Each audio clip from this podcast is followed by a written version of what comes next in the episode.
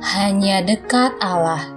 17 November 2020 Kenangan kepada orang benar. Amsal 10 ayat 7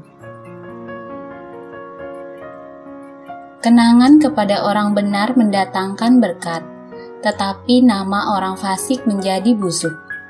Dalam Alkitab Bahasa Indonesia masa kini tertera, kenangan akan orang baik merupakan berkat, tetapi orang jahat segera dilupakan. Mengapa berkat?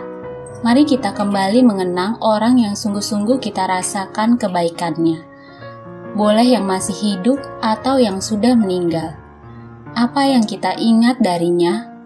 Boleh jadi nasihatnya, tutur kata yang memberikan semangat, bisa pula tindakannya.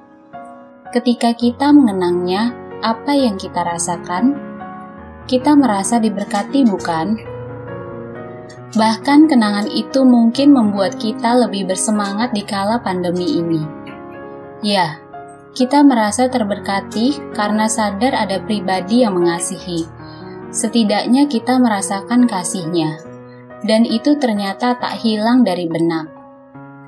Sedikitnya ada dua hal yang bisa kita terapkan sekarang ini.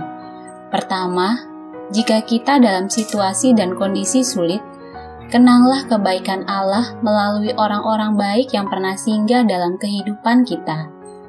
Jika pada masa lampau Allah telah menjamah kita melalui kebaikan orang-orang tadi, kita boleh berharap Dia melakukan hal yang sama. Kedua, meski dalam keadaan sulit, mari kita berbuat sesuatu untuk orang lain biasanya itu akan membuat rasa percaya diri kita timbul. Sebab kita ternyata bisa melakukan sesuatu bagi orang lain. Hal macam begini akan membuat kita melupakan kesulitan kita dan bangkit lagi untuk menyongsong berkat Allah. Bisa jadi, tindakan yang kita lakukan itu menjadi kenangan orang tersebut dikala kepahitan melanda dirinya nanti.